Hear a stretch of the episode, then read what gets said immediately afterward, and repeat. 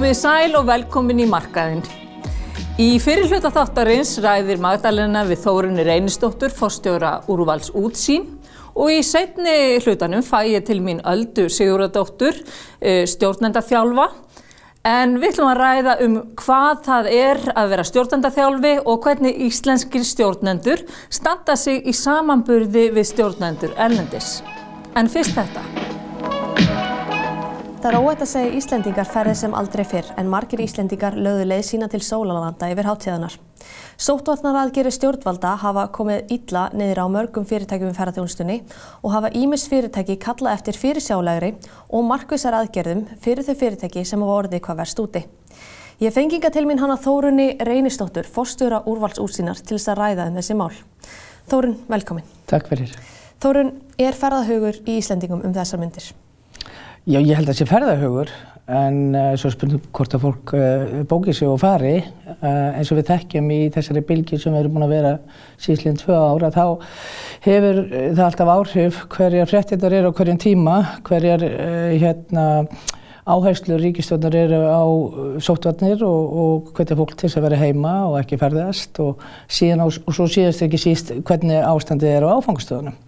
Þannig að við erum svona eins og maður kallar þetta yin-yang eftir því hvað, hvernig fréttaflutningurinn er á hverjum tíma.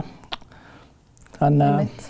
Hérna, er það svona mestmæknis unga fólki sem er að ferðast eða eru líka að selja til eldri aldurshópa? Í ferðarlegum í dag eru það bara allir aldurshópar. Það er, það er eiginlega ekki þetta að setja þetta í ykkur ákveða flokka. Og það er bara allir að ferðast sem að hafa áhuga og getur til þess hverju tíma. Hverjir eru svona helstu áfangastæðinir sem Íslendingar er að horfa til þessum myndir? Maður svona sér á samfélagsmiðlum að allir að fara til Tenerife, er það staðan eða er mm. fólk að horfa til fleiri áfangastæða? Já, fólk er að fara og fylgta fleiri áfangastöðum. Það er svona, það er svona búblan í dag, eh, svona mest umtalið um Tenerife, en sjálfsög eru fleiri áfangastæðir, eh, sólastæðir, það, það er gríðuleg fjöldi á Alicante og mm -hmm. Canari og svo fer fólk uh, mjög víðar bara um heimil, þar sem sólinn er og eru örugt að ferða ferðast á hverju tíma.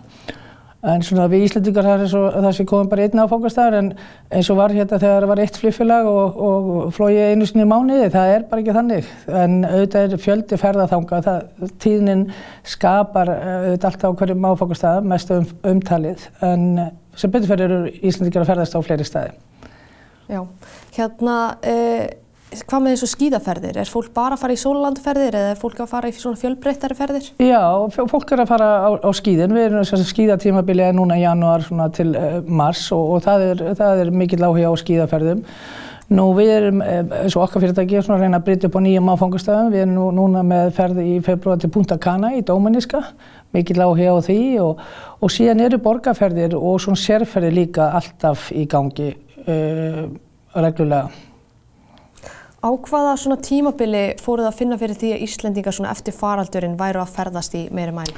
Þetta er búið að vera að koma í svona, uh, hérna, bara eins og loðnan, sko, eftir, eins og ég sagði á þann, eftir hva, hvernig umtali er, um, leið og hægist á og við verðum svona öryggar í okkar umhverju, þá, þá fyrir fólk á stað aftur og, og vil halda sínu bræðilega uh, lífi og ferðast og þannig að þetta er búið að koma í nokkrum köplum og hérna núna í haust uh, þá, þá fór þetta af stað aftur og, og uh, síðan uh, hérna eins og, og komst inn á voru jól og áramótaferðinar sem fólk bara ákvaða að fara.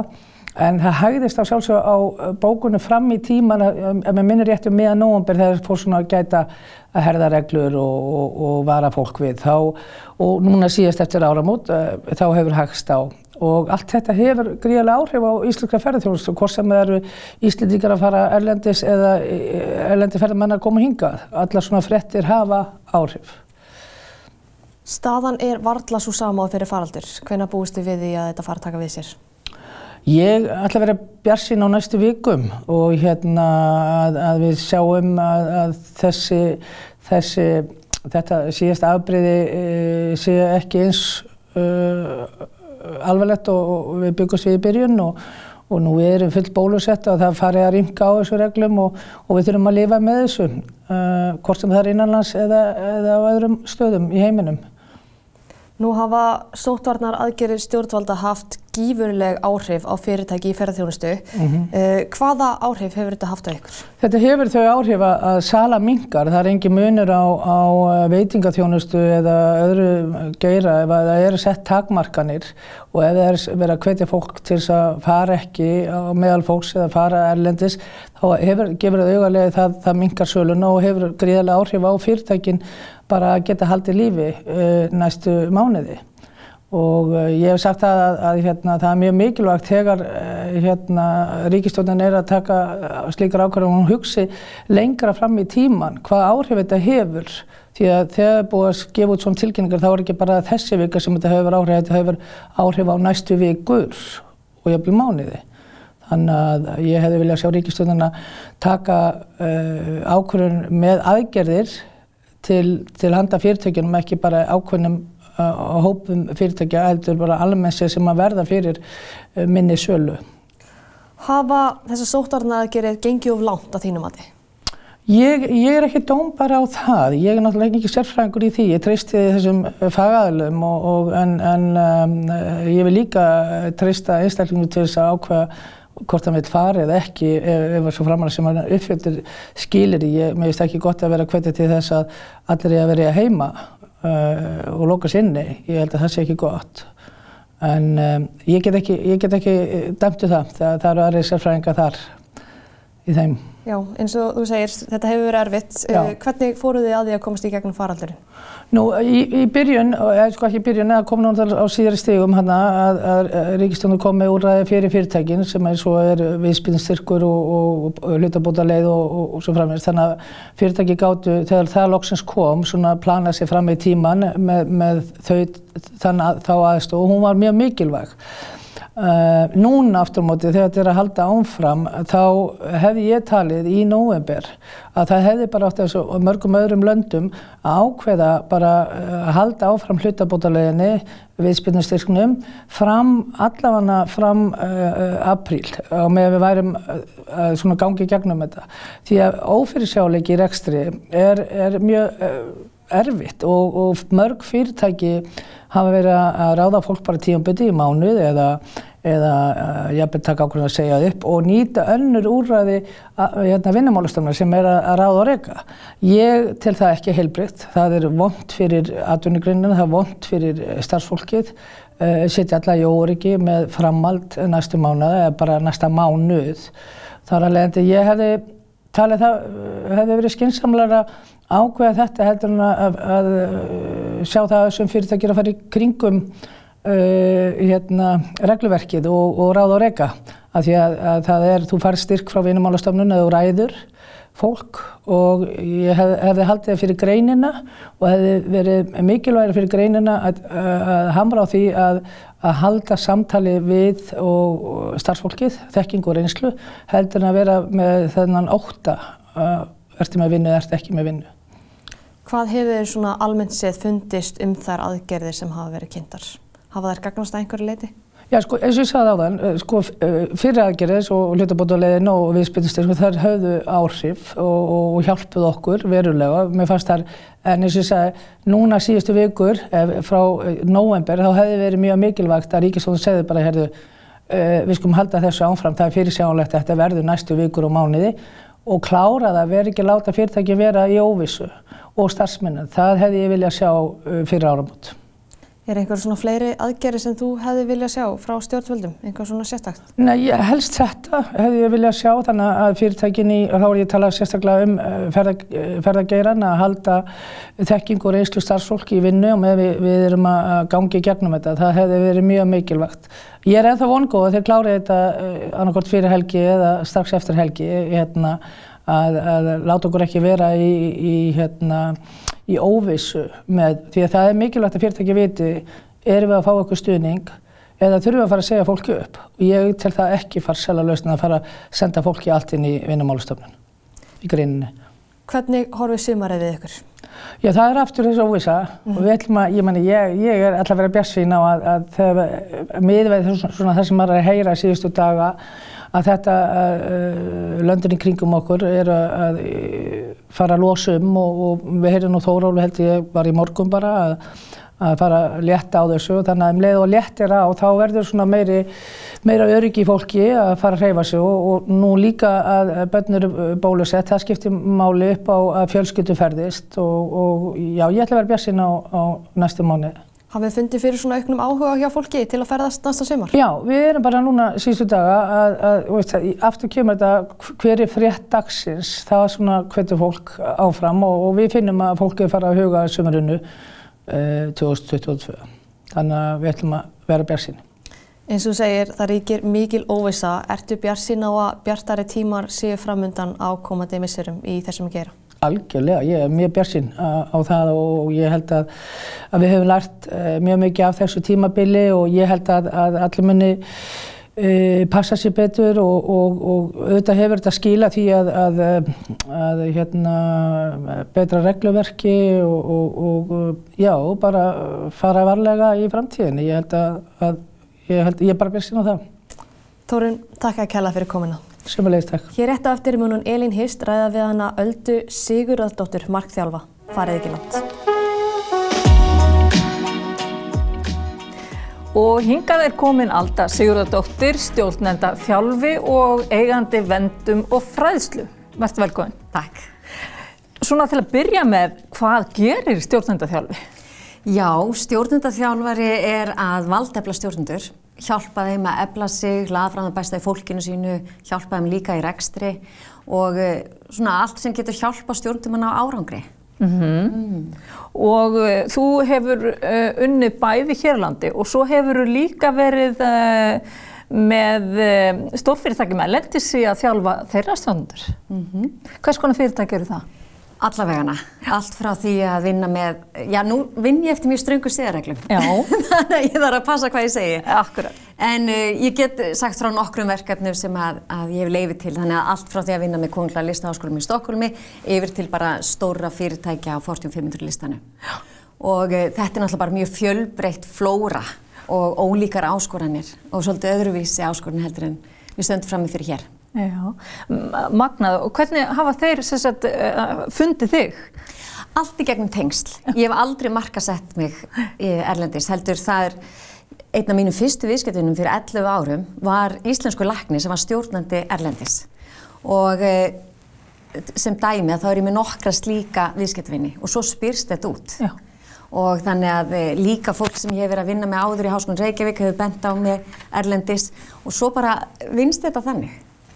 Um, stjórnenda þjálfun eða þjá, já, þjálfun hefur hún verið að riðja sér til rúms á Íslandi eins og annar staðar í heiminum? Er þetta, þetta er eitthvað sem er svona freka nýtt fyrirbreyðin samt ekki?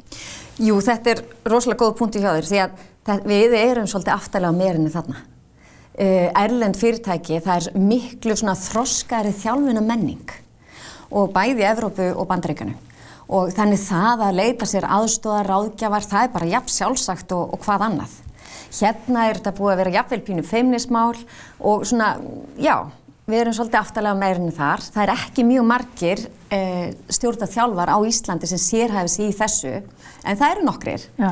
Og það er orðin, í dag er þetta orðið, ég finn rosalega mun frá því 2010-11 og í dag. Mm. Núna vita flestir hvað þetta er, og svona eru forvitnir og vilja efla sig. En það sem er líka merkilegt í þessu er að þeir sem helst sækja í stjórnaþjálfun og ef við skoðum rannsóknir erlendis, það er yfirleitt bestu stjórnundunir. Þeir sem bara hafa metnað, vilja ná árangri og áttar sig á að þeir geta mögulega bætt sig.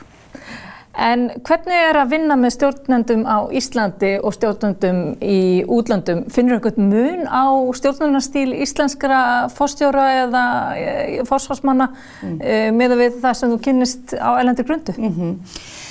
Þetta er mjög áhugaverð spurning og tölvert flókin og ég geti núna að tala í allan dag. um, erlendur stjórnendur eru náttúrulega að vinna ofta í miklu stærri skiplagshildum og það er aðeins aðrar áskorinir. Um, það er margt sem við getum lært af erlendur stjórnundum en ég vil líka segja það að við eigum alveg ótrúlega flotta marga stjórnundur. Ég þekki náttúrulega þá sem að helst sæk sér þjálfun og þetta er það kannski mögulega þeir sem eru hvað áraugurstripnætstir og, og vilja svona ebla sig. En við eigum bæðum vel mentað fólk, fólk sem tekur stjórnun alvarlega, gefur sér tíma í að stjórna En við megum alveg læra margt af, af þeim erlendu og eins og til dæmis bara það takk sér tíma í stjórnun í, í vikunni. Það er rosalega fáir íslenski stjórnundur sem gera það, en það er mjög þekkt erlendis. Er, erlendi stjórnundur er líka rosalega dugleira að sækja sér aðstöðar og það er svo fyndið þegar ég er að þjálfa íslenska stjórnundur og þá spyr ég oft, ok, hver gæti stuttið í þessu? Meðan eins og sérstaklega ameríski stjórnendur þeir bara, já, hver getur stutt mjög þessu? Spurja sér sjálfur. Þannig það er svo ríkt í þeirra eðli bara að leita sér aðstöðar. Við erum svona sjálfstæð þjóð og það, það alveg skila sér inn í stjórnarhlutverki líka. Yeah. Og íslensku stjórnendunir, það sem er svolítið hætta fyrir okkur er að þetta er svo oft sérfræðingar sem hafa vaksið upp í stjórnarhlutverki frábærir, framhúsgændi sérfræðingar en það þarf ákveðna hæfni í að vera leiðtögi. Já, ég syns kunna kannski ekki að stjórna per se þóttir séu búin að ná mjög langt í sínu fæi. Ymmit, ymmit og þá kemur stjórnaþjálfun, hvort sem það er leiðtóa námskeið eða einstaklingsmiður stjórnaþjálfun. Mm -hmm. Og það er það sem að mér skipta mjög miklu máli þegar við erum að þjálfa stjórnendur, að við erum að mæta hverjum og einum á þeim stað sem að hann eða hún er. Mm. Þannig við erum ekki að reyna að setja alla í saman bóksið, heldur svolítið bæta verkfærum á í ólíkum aðstæðum en við komum til vaksi. Er þetta bara svolítið eins og að vera góður íþróttamæður eða hafa náð nokkur langt, já, og ég menna engum íþróttamanni sem alltaf ná árangrið myndi þetta í huga að þjálfa sig ekki? Frábær myndlíking, Já. frábær myndlíking, en það líka erlendis, ef þú ert ekki með coach, þá bara býtu af hverju ekki. Já. Veist, þá ert ekki maður með mönnum nema þú sést með. Já. Mm. En það er sem, uh, þó nokkuð mikil vakningi þess Já. á Íslandi og þú finnur það alveg. Já, mjög mikil og líka sko þó að coaching eða þjálfun, uh, að því að eins og ég sé stjórnaþjálfari, ég nota fleira aðferðir heldur um markþjálfun. Markþjálfun er eitt sem er spurningatekni en ég veiti líka ráðgjöf, leiðbenningar, kennslu og svo framvegs. Mm -hmm. Og uh, sko, coaching-sagan eins og í Ameríku er cirka 35 ára gömul. Mm -hmm. Það er líka búin að vera vakning erlendis eins og þegar ég var að byrja fyrir 11 árum síðan, þá voru rétt rúmlega 50% fórstjón 500 fyrirtækina að nota coaching, það sem við kallum executive coaching. En núna? Núna all Öll, já. það er nefnilega það. En já. hvernig er ekki erfitt fyrir fórstjóðar sem er vanur að ráða öllu, sitjast niður með þér og hlusta því og það sem þú eru að segja og taka ráðleggingum? Þú veist, er... maður getur ímyndið sem einhverja toppfíkur og svona sem er vanur bara að, hérna, já. Jú, Eða vön, þetta er náttúrulega sem betur verið konur líka. Já, sko þegar fólk kemur í stjórnarþjálfuna þá ef ég ætla að fara að segja þeim eitthvað til þá, þá er alveg líklegt að ég kveiki á varnaviðbröðinu en yfirleitt kem, koma stjórnendur til mín vegna þess að þau vilja ebla sig. Þannig að þau, þau hungrar í þekkingu, þau hungrar í að, að láta skora á sig og líka bara fá staðfestingu hvort þau sé að gera þetta rétt. Mm -hmm. Því að stjórnendur eins og fórstjórar eru oft mjög einir, eins og oft er sagt, kallt á toppnum og það er bara staðrendin. Þannig að það að hafa stjórnendaþjálfara er líka svolítið gott að geta fengið lána á domgreind í ákveðnum málum, mm -hmm. þannig að þegar maður vinnur eins og ég er búin að vinna með nokkur stjórnendum mm -hmm. í næstu tíu ár að þá er myndast ákveðin tengsl, þannig að þá stundum erum við bara að vinna með praktísmál.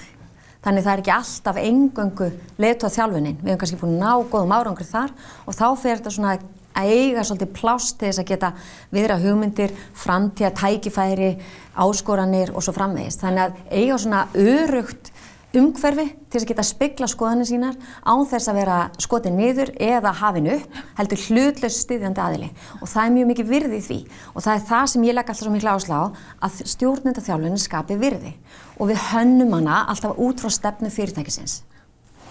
En, en um, þegar stjórnendur koma til þín þá eru það er því svo marga týpur af stjórnendum Já. og hérna og sem, sem sagt hvað er það helst sem að, eða ég veit ekki hvort það er þetta að hérna, búa til einhverja staðalýmyndir en, en, hérna, en hverjir eru helstu stjórnum þetta típunar mm -hmm. ef við förum þánga? Já, það er alveg eh, hægt að skipta stjórnum í, það er til marg, margvíslega greiningataki ja.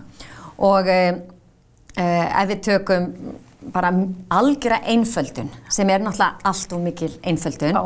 en einhvað síður er þessi einföldun byggð á viðtölum við þúsum manns og eh, þá er það þessi framkvæmda glaði eh, öruga týpa sem við myndum kannski svolítið lýsa eins og klingt ístút svolítið bara mjög hrein og bein framkvæmda glöð, ákveðin tekur ákvarðanir og svo framvegs svo væri það kannski týpar sem að væri mm, meira í því að fara í smáadriðin meiri myndlíkingunum, meira í að segja sögur og svona, svona heildrætni umræða mm -hmm. meðan að klint væri svolítið dúurinn, þá væri þetta svona meiri sem fer í, í stóru myndina en líka smáadriðin. Og svo væri það þriðja típan sem væri þögglatýpan sem er svona frekar uh, mikill introvert eða svona inn á við, uh, er, getur byrst svolítið svona eins og viðkomandi sé ekki að stíga mjög stert inn í stjórnun vegna þess að viðkomandi er kannski jafnvel pínu feimin mm -hmm.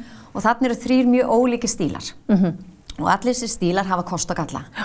Meðan klintstílinn getur byrst mjög svona ókveikjandi í ákveðnum aðstæðum, mm -hmm. þá getur þessi stíl í miðjunni sem er svona, fer mikið smáadrein, getur byrst mjög svona vilja stjórna og hljóðistýlinn getur verið að eins og við komum til sig að gera neitt. Já. Þannig það er mjög mikilvægt að greina hvaða stíl hef ég, þannig ég sé meðvituð um mína veikleika, Já. þannig ég geti unni með það og stíið enn sterkar inn í mín leiðtóð þróun. Já, þannig að, sérst, að þá nýta þér þá, þá sérst, þar sem þú, þú ert sterkastu, vita það að þú ert sterkastu þarna, Já. en þú þarfst að tæmja þér það að það, það þarf að vera svolítið aksjón, hlutin verða að gerast Já. og þú eru samt að tala og fá hugmyndi frá öðrum og þú mátt ekki valda yfir aðra og allt þetta. Akkurat. Já, þannig að búa til þetta svona. Mm.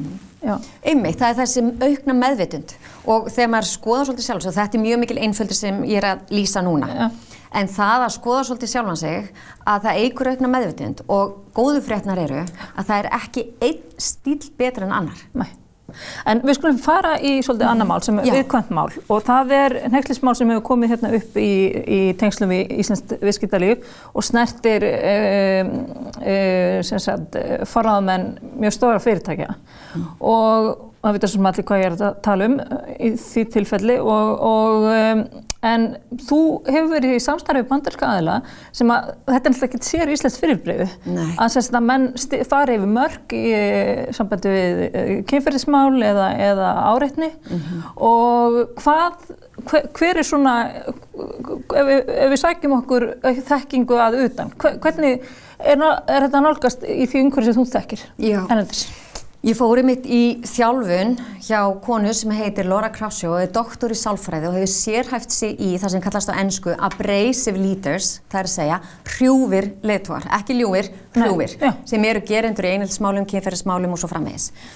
Og ég er ekki að gera mína stjórnarþjálfun út af þessi mál, en þetta hjálpar mér að hafa skilning á þessu, þannig að, að það er notið, notið ákveðin aðferðafræði og þess, hún var með vinnustofu hérna í Reykjavík í samstarfi fyrirtæki mitt mm -hmm. og þarna kom fólk allstaðar að talað um að þetta er allstaðar, þarna var stjórnandi úr uh, einni stærstu alþjóðstofnun heims, þarna var uh, stjórnandi úr uh, skólakerfinu í Skotlandi, mm -hmm. þarna var stjórnandi úr, úr einu stærstu fjárfæstingabanka í Ameríku, allir að sækja sér þekkingu hvernig að takast á þetta. Mm -hmm. Þetta er raunverulega Sko, þetta er allt og mikið vandamál. Þannig já, semst að þessi áreitinsmál og, og kynfyrirsáreitnum, þetta er alveg græsræfandi með við og já. út um allt. Og það sem við getum lært, af því að ég skildi spurninguna rétt, það sem já. við getum lært erlendis frá, að það er í fyrsta lagi að fyrirbyggja þetta og það sem að mörg, e, sérstaklega amerísk fyrirtæki er að gera mjög vel, að þau byrja að innræta ákveðna menningu mm -hmm. í atvinnuviðtælinu. Já. Þannig ef að ég væri að ráða þig sem stjórnanda Já. að þá er þetta menningi hjá okkur, hún er útskýrð. Mm. E, það er farið yfir atriði sem að við myndum segja væri almenn skynsimi. Mm -hmm. Eins og við byggjum góðan daginn, e, það er ekki leiflegt þetta og þetta og þetta er bara skýrt í atvinnuvitalinu. Mm -hmm. Og þessi hegðun er ekki viðláttinn, þannig að við segjum fólki híklust upp ef að Já. þessi hegðun er sínt. Þannig að það er strax fælingamáttur í upphafi. Svo er þjálfun og að því eins og ég sagði áðan, þjálfunar menningin eða þjálfunar þroski erlendra fyrirtæki er miklu meiri. Mm. Við erum frekar aftalega meirinni varðandi þjálfun. Mm -hmm. Og e, e, þá er náttúrulega fólk bara þjálfað í samskiptum, þjálfað í hvernig framkomu og svo framvegs. Mm. Þannig það er betri stakkbúið, það er líka þjálfað í því hvað má og hvað má ekki og hvaða afleðingar svona hegðun hefur. -hmm. Hér er lítið um þessa þjálfun en það er sem betur fer ímis fyrirtæki fann að bjóða upp á, upp á slíka þjálfun og, og ég mæla alltaf með að fá vinnusálfrænga eða sálfrænga til að vinna svona vinnu. Og sko ekki bara er þetta, sem sagt, eh, verðist þetta vera mikið vandamál innan fyrirtækja og raun og á öllum suðum þjóðfélag sem svo myndi eftir bara í hug íþróttarreifingin og, og þá skiptir rosalega miklu máli sem segir að vera stöðt að tala um, þú veist, hvað er við, hvernig, hvað kröfu við gerum, hvernig við viljum, hvernig er andin, mm. hvernig er, hérna, já, hvernig, hvernig eigundastefnan og hvernig vil ég að starfsfólki mitt komi já. fram og svo framvegis. Það þýðir kannski að það er ekki nóg að setja það á blad og svo tíu árum setna að vera ekkert minnst á það. Sko. Nei, og þetta er rosalega mikilvægt sem þú ert að koma inn á þarna og þetta er eitt sem tengist líka stjórnunda þjálfunni að því að erlendir stjórnundur eru miklu hæfari í til dæmis leðréttenda endugjöf. Og uh, þegar ég hef verið að vinna með stjórnundum sem að eru kannski að klára starfsferilsinn og eru svona hanna næsta kabla að því að stjórnur sem verið stjórnur allt sitt líf það er mikill tími sem fer í, í það og uh, íslenski stjórnur eru ótrúlega duglegir, ósérhlýpnir og svo framvegis mm -hmm. og þá förum við oft í svona uppgjör hvað hefur gengið vel, hvað ertu stolt eða stoltur af Já. og hvað ætlar að, svona, að skilja við og í sátt og hvað sér þau eftir og þá kemur alltaf sama svarið. Ég vild að ég hefði tekið á erfum einstaklingum með erfum málum fyrr Já. og þeir spyr af hverju gerðu það ekki? Já að ég vissi ekki hvernig. Og þess vegna er svo mikilvægt að ebla hæfni stjórnenda mm -hmm. í að takast á við svona mál að því að það er hægt að stoppa svona mál í fæðingu. Mm -hmm. Leiðum að verðu varfið, mm -hmm. einhver skot, einhverja niðurlægingu, mhm. hvort sem það fundið eitthvað, stoppa það strax. Að hafa hugur ekki það. Mjög góð loka orð og hérna lært og svitt fyrir okkur að hlusta þetta. Þakka kærlega fyrir, fyrir. alltaf fyrir komuna. Og þá verður markaðurinn ekki lengri hjá okkur í kvöld. Við minnum á markaðinn á, í fréttablaðinu og fréttablaði.is og við minnum á þennan þátt eftir viku. Verðið sæl.